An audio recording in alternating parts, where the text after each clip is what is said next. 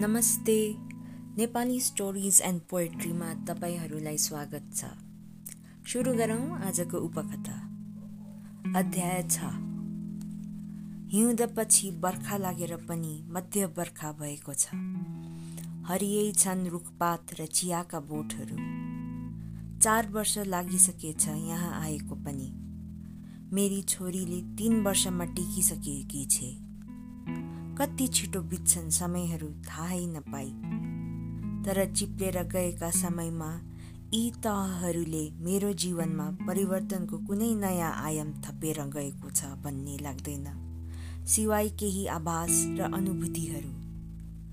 बिहे गरेर समयको यत्रो फाँट सिँगै हामीले निलिसकेका भए पनि फुल जस्ती छोरी हामी माझ भए पनि निलम र म कहिले महिनौ दिनसम्म टाढा भए जस्ता हुन्छौँ।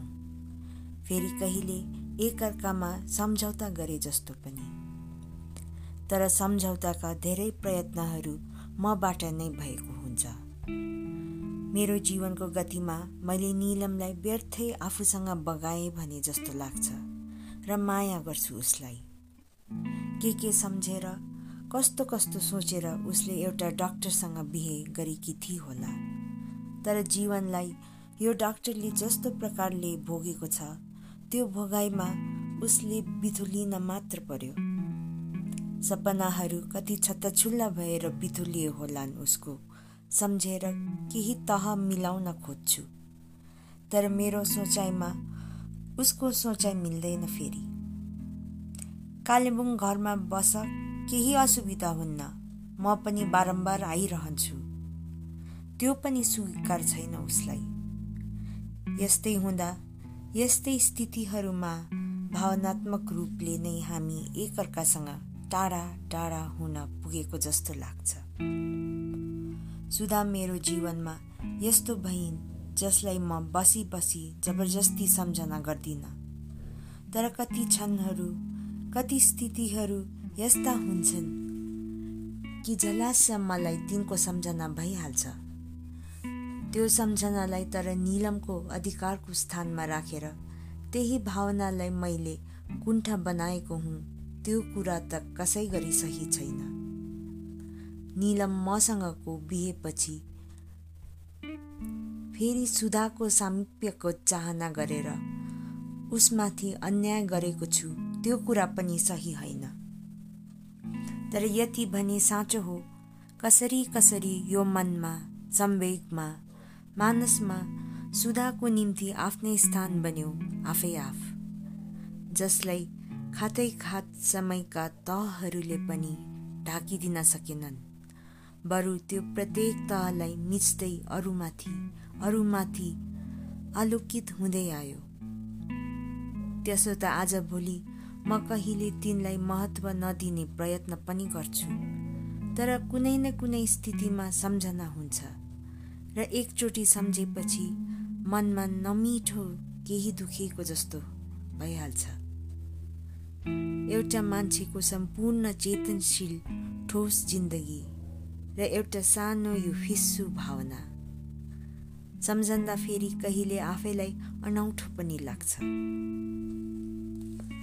कमानमा आएर तिन महिनापछि एउटी किशोरी केटीलाई देखाएर मनेले भनेको थियो यो मेरी एउटै छोरी रेशम फुल डाक्टर साहेब। पोहोरदेखि खरसाङ स्कुलमा हालिदिएको।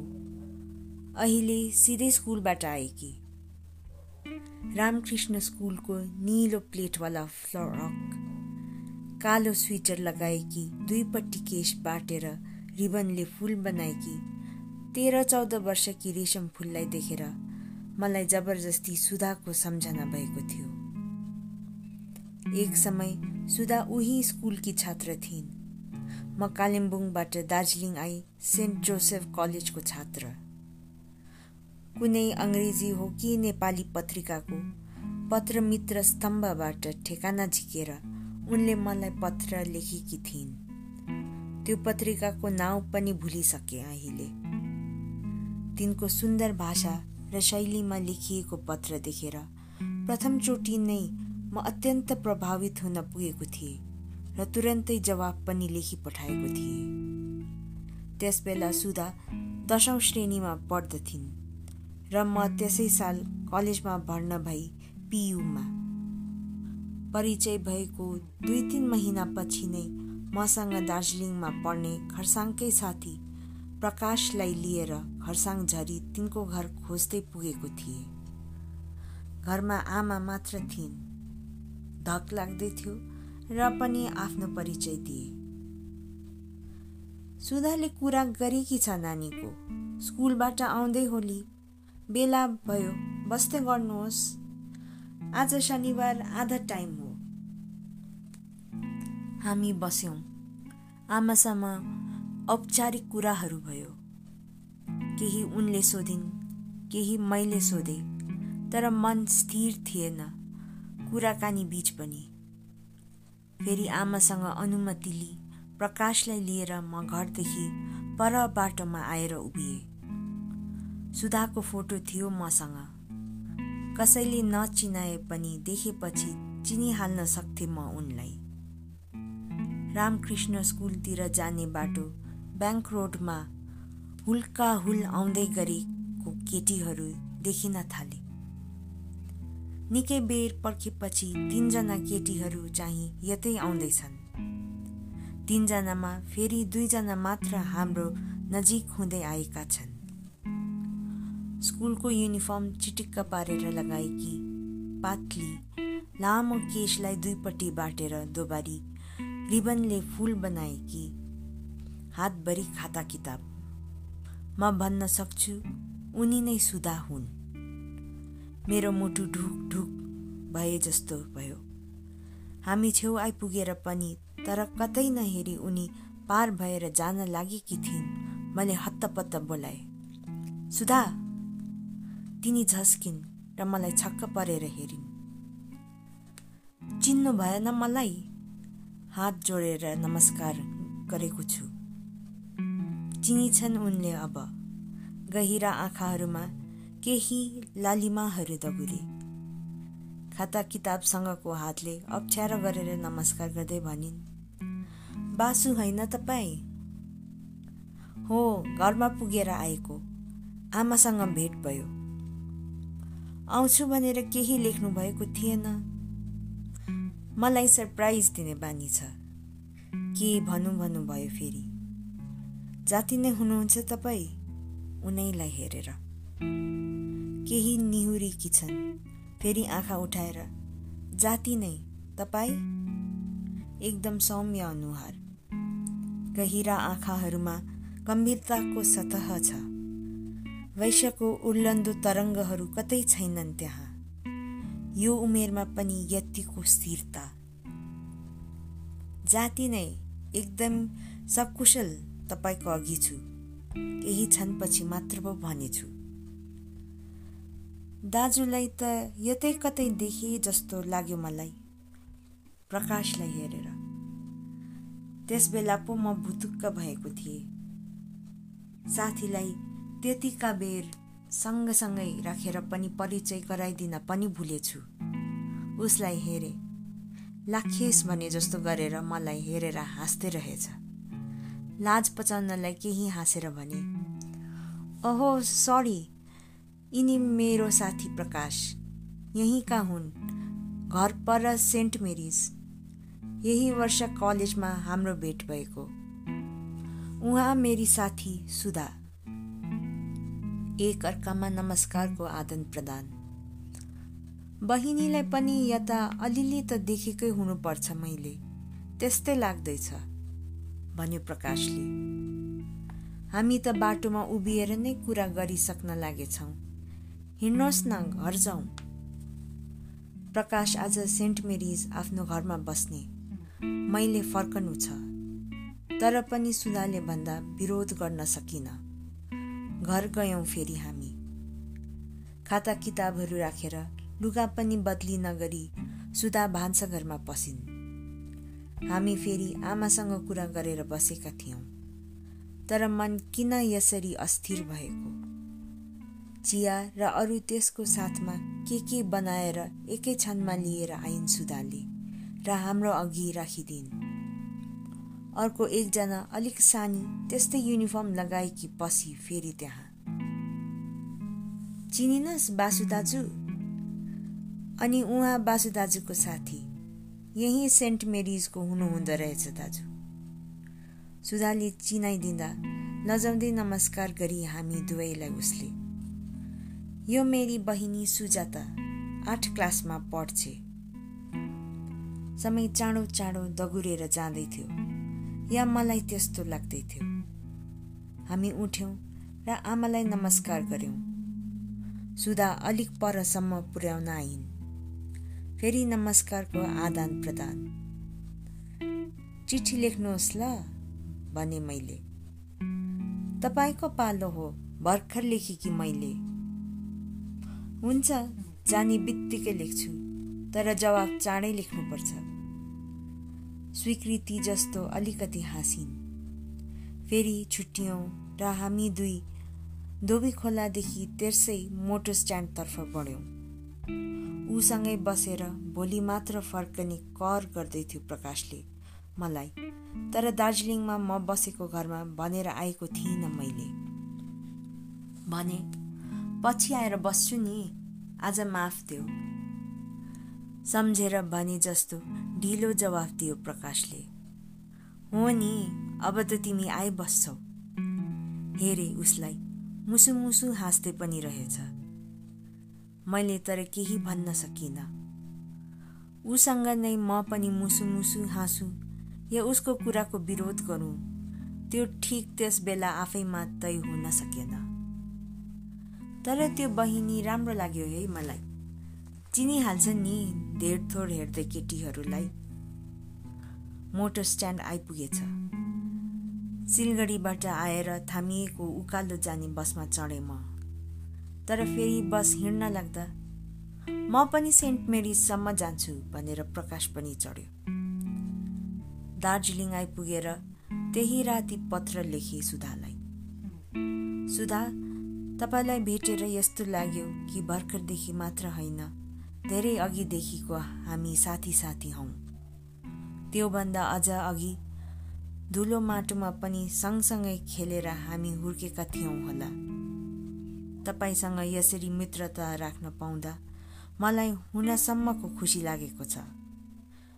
त्यसै त्यसै गर्वित छु म। राम्रो पढ्नुहोस् है। धेरै धेरै पढेर नारीको इज्जत राख्नुपर्छ। आज बसमा चढेर यता आएदेखि तपाईँको असाध्य सम्झना आइरहेछ। के तपाईँ पनि मलाई यसरी नै सम्झिरहनु भएको छ सुधा? एक हप्तापछि जवाब आएको थियो। बासु चाँडै पत्र लेखेर वचन राख्नु भएकोमा कृतज्ञ छु। अझ कष्ट गरेर भेट गर्न आउनुभएकोमा कसरी धन्यवाद प्रकट गरौँ? शब्दहरू छैनन् मसँग।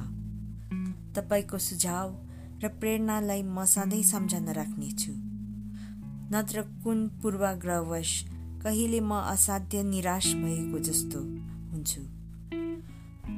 तपाईँलाई मित्रको रूपमा पाउँदा मलाई पनि ठुलो गर्व लागेको छ। बासु तपाईँको मित्रताको गरिमा तल मलाई सधैँ फुल्न दिनु। पत्रको यो अन्तिम लहर सम्झँदा मन कस्तो कस्तो भएर आउँछ। तिनलाई आफ्नो मित्रताको गरिमा दिएर मैले कति फुल्न दिएँ कति ओइलाउन दिएँ। त्यसको लेखा खोजा यो मनले गर्न सकेको छैन अझै। तर यति कुरा चाहिँ अवश्य साँचो हो। आफ्नै गरिमाको बलले भने सुधा मेरो मनमा फुलिन्। मेरो जिन्दगीको सम्पूर्णतामा फुलिन्। दस बाह्र वर्षभन्दा बढी समय भइसके यसरी सुधालाई चिनेको भेटेको। त्यति नै भएछ त्यो निलो फ्रक कालो स्वेटरसँग कसो कसो आत्मसात हुन पुगेको पनि म। तर भर्खरै जस्तो मात्र लाग्छ सम्झन्दा। लाग्छ दुईपट्टि केश बाटेकी हातभरि खाता किताब बोकेकी गहिरा आँखाहरूमा लालीमा भरेर सुधा मलाई नमस्कार गर्दैछिन्। अहिलेसम्म बाहिर घाम लागिरहेथ्यो। पानी छिट्याउन थालेको छ फेरि। यो साल पनि पानी कता हो कता धेरै परेको छ। निकै ठाउँतिर पहिरो गएको खबरहरू मात्र छन्। साँझतिर पुर्णेको राततिर मैले जति हेर्दा पनि धित नमर्ने ममा सधैँ सम्मोहन जगाउने मेरा अघिल्तिरका ती डाँडा पहाडहरूमा पनि ठाउँ ठाउँ नै पहिरो गएर धर्साहरू मात्र जताततै देखिने भएको छ। कति रमाइलो एकाम्मे हरियो डाँडाहरू थिए ती। केही धर्सो पहिरो यो मनमा पनि गएको हुनुपर्छ यो साल। छुँदा जता पनि चोट जता पनि दुखेको अनुभूति। डाक्टर बाउ किन यसरी चिसोमा उभिनु भएको? पानी पनि छिटाउँदैछ। फेरि बिरामी पर्नु भो भने चिसोले? फुर्बा पछिबाट भन्दै रहेछ मलाई। आज भोलि घर जान हतार गर्दैन ऊ। त्यस्तै व्यस्त भई टोली पो रहन्छ। तर कहिले भने झोक्राएर एउटै कामलाई सुमसुम्याउँदै दिनभरि रहन्छ। उसलाई देख्दा उसको साइलीको अनुहार आँखा अघि आउँछ। निधारमा रातो टिका लगाएको त्यो उज्यालो अनुहार गालाको हाड माथि माथि उठेको अनुहार। र फेरि ऊ मरेकी बिहान गाउँकी स्वास्नी मान्छेले भनेको त्यो कुरा भित्र पस्छु। स्टेरियोमा कुनै धुन धिमा बजाएर सुन्दै निलमले सृजनाका एउटा स्वेटर बुन्दैछे धेरै भयो सुरु गरेकी। कहिले काहीँ निकाल्छे र बुन्छे साह्रै के गरौँ के गरौँ हुँदा यति नगरी धर नपाउँदी हो ऊ। मलाई एकचोटि आँखा उठाएर हेरेर फेरि धागो काँटामा नै हेर्न लागेकी छ। कति टाढा हुँदै जाँदै छ व्यर्थमै निलम मसँग। के ठिक त मिलेन हामी दुई बिचमा? नत्र एक दृष्टिमा एक प्रस्ताव र एक सोधाइमा मलाई स्वीकार गरेकी हो उसले। या मैले स्वीकार गरेको हो उसलाई। मैले सधैँ जीवन अनुकूल मेरा आफ्नाहरू अनुकूल भएर बाँच्ने प्रयत्न गरेको हो तर यो प्रयासमा त अझ टाढा हुन पुगिँदो रहेछ। कहिले फेरि सबै कुराबाट निर्लिप्त भएर म पर पर कता पुग्दो रहेछु? के सम्झन्दी हो निलम मलाई? किन यसरी पलायन भइरहेछु म? यो कस्तो विघटन आइरहेछ मेरो मनोवृत्तिमा यसरी। निलमको छेउमा बस्न पुगेको छु। ऊ नचल मलाई उस्तै तटस्थ छे। उठेर स्टेरियो अझ मधुरो बनाउँछु र फेरि बस्छु। निलम आज कति तारिक पो? जवाब छैन। निलो साँच्ची सोधेको पो त भन न। क्यालेन्डर ऊ आँखा अगाडि नै त छ। ए हो त नि म पनि के भएको? हाँस्छु म। सम्झौता गरेको हो मैले। कि हार स्वीकार गरेको? पर्सि पन्ध्र जुलाई श्रीजुको जन्मदिन होइन? ए यति त थाहा रहेछ नि। यसपटक भने अनुहार मपट्टि फर्काएर तिखो आँखाले मलाई हेरेकी छ?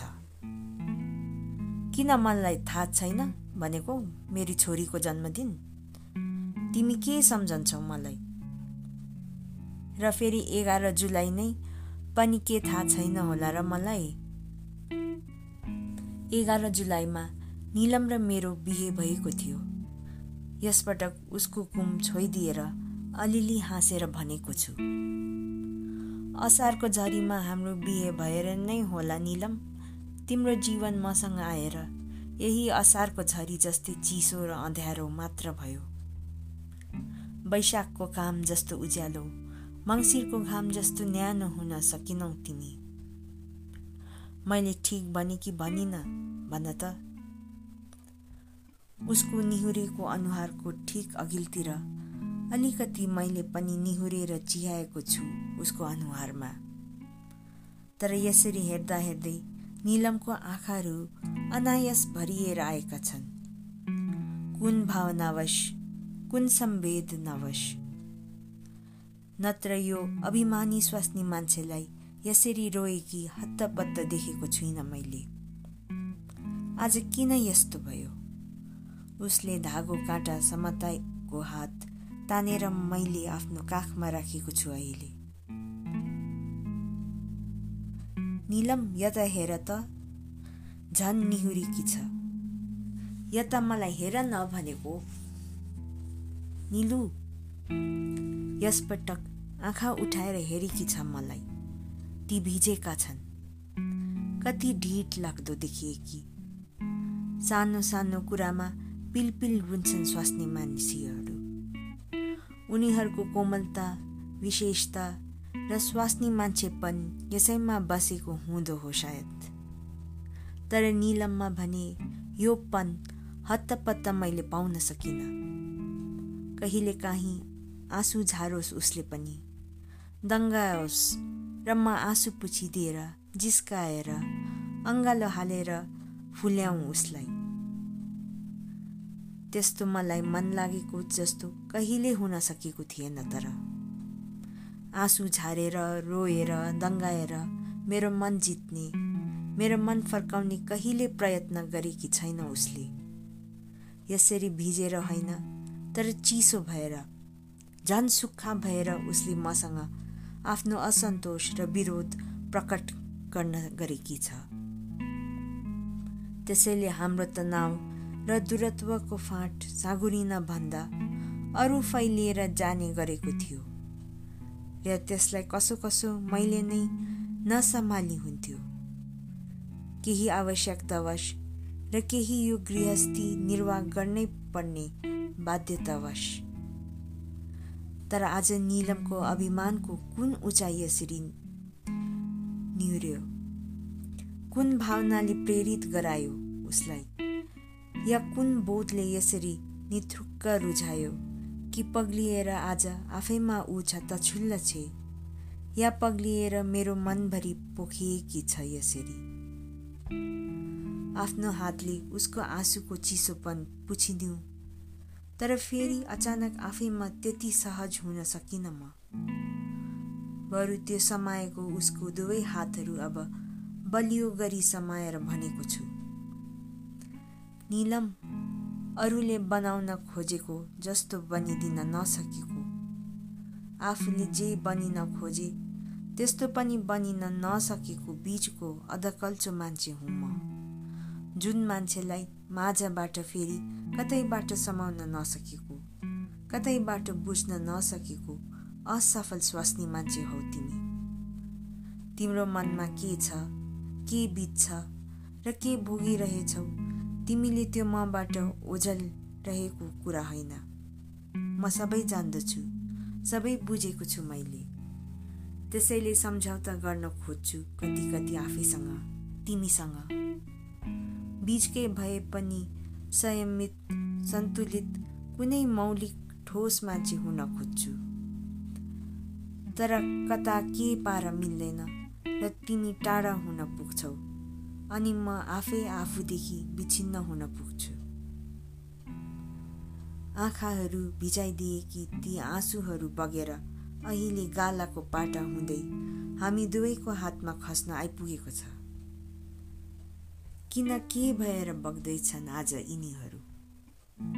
यदि यसले निलमका दृष्टिमा भ्रमहरूलाई डाहहरूलाई गुनासोहरूलाई पखालेर बग्दैछ भने बग्न दिउँ। अरू यिनीहरूलाई जबसम्म ती डाहहरू सम्पूर्ण खलास हुँदैनन्। यो पालि श्रीजुको जन्मदिन यहीँ मनाउँछौँ हामी। दुई चारजनालाई बोलाउनु पर्छ है ल। भोलि एक दिन त छ कसरी भ्याउनु? भ्याउँछौ नि किन भ्याउँदैन? भोलि बिहानको समय नै गाडी लिएर हामी मार्केटिङको लागि जाउँ। म बिहान छिटै अस्पतालको काम सिद्ध्याउनेछु। यति भनेर मानौ म त्यो बिन्दुसम्म अघि बढेर पुग्न खोजेको हुँ जहाँ नै ठिक हाम्रो गृहस्थी अल्झेको हुनुपर्छ। अथवा यति भनेर निलमलाई मैले त्यो बिन्दुसम्म तानेर ल्याउन खोजेको हो। श्रीजु खै अहिले पो याद आयो छोरीको? अहिलेसम्म बाहिर उभिएर त्यो डाँडातिर के हेर्नु भएको पानी छिटाएको पनि थाहा नपाउने गरी। त्यत्रो पानीले भिजिसक्दा पनि मलाई नबोलाए कि होइन निष्ठुरी? आसेङ आएर बोलायो बरु मलाई। तपस्या भङ्ग हुन्छ भनेर नबोलाए कि हाँसेकी छ ऊ? श्रीजुलाई लिएर रमा त्यहाँ आउँछे। भित्रै कोठामा थिएछन् तिनीहरू। छोरीलाई उचालेर मुहाई खान्छु। पर्सि मेरी छोरीको जन्मदिन धुमधामले मनाउनुपर्छ।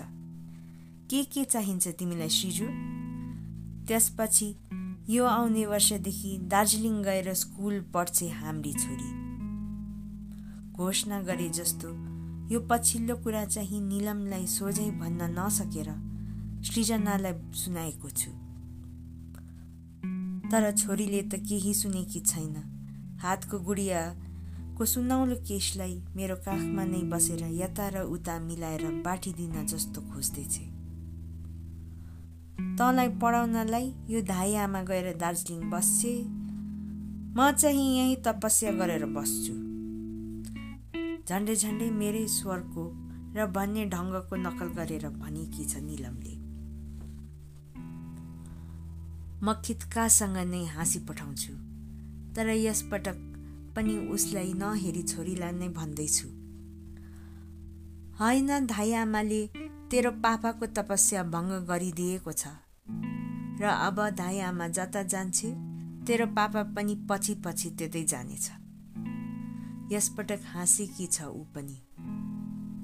आज त्यो डाँडामा कुन भगवान प्रकट भएर यता फर्काइ पठाइदिएको तेरो पापालाई मनलाई। दृष्टिहरूलाई सिजु। मेरो दृष्टिहरू त सधैँ यतै छ श्रीजु बरु प्रकट भएर ती भगवान्ले भने आज मलाई जा तँलाई मेरो आशीर्वाद छ। अब तेरी निलमको मन र दृष्टिहरूसँग तमाथि फर्केर तेरो कल्याण हुनेछ। यसपटक दुवै हाँसेका छौँ। महिनौपछि आज निलमलाई त्यस्तै देखेँ मैले। त्यस्तै अनुभव गरेँ जस्तो पाँच वर्ष अघि बिहे भएर प्रथम दिन अनुभव गरेको थिएँ।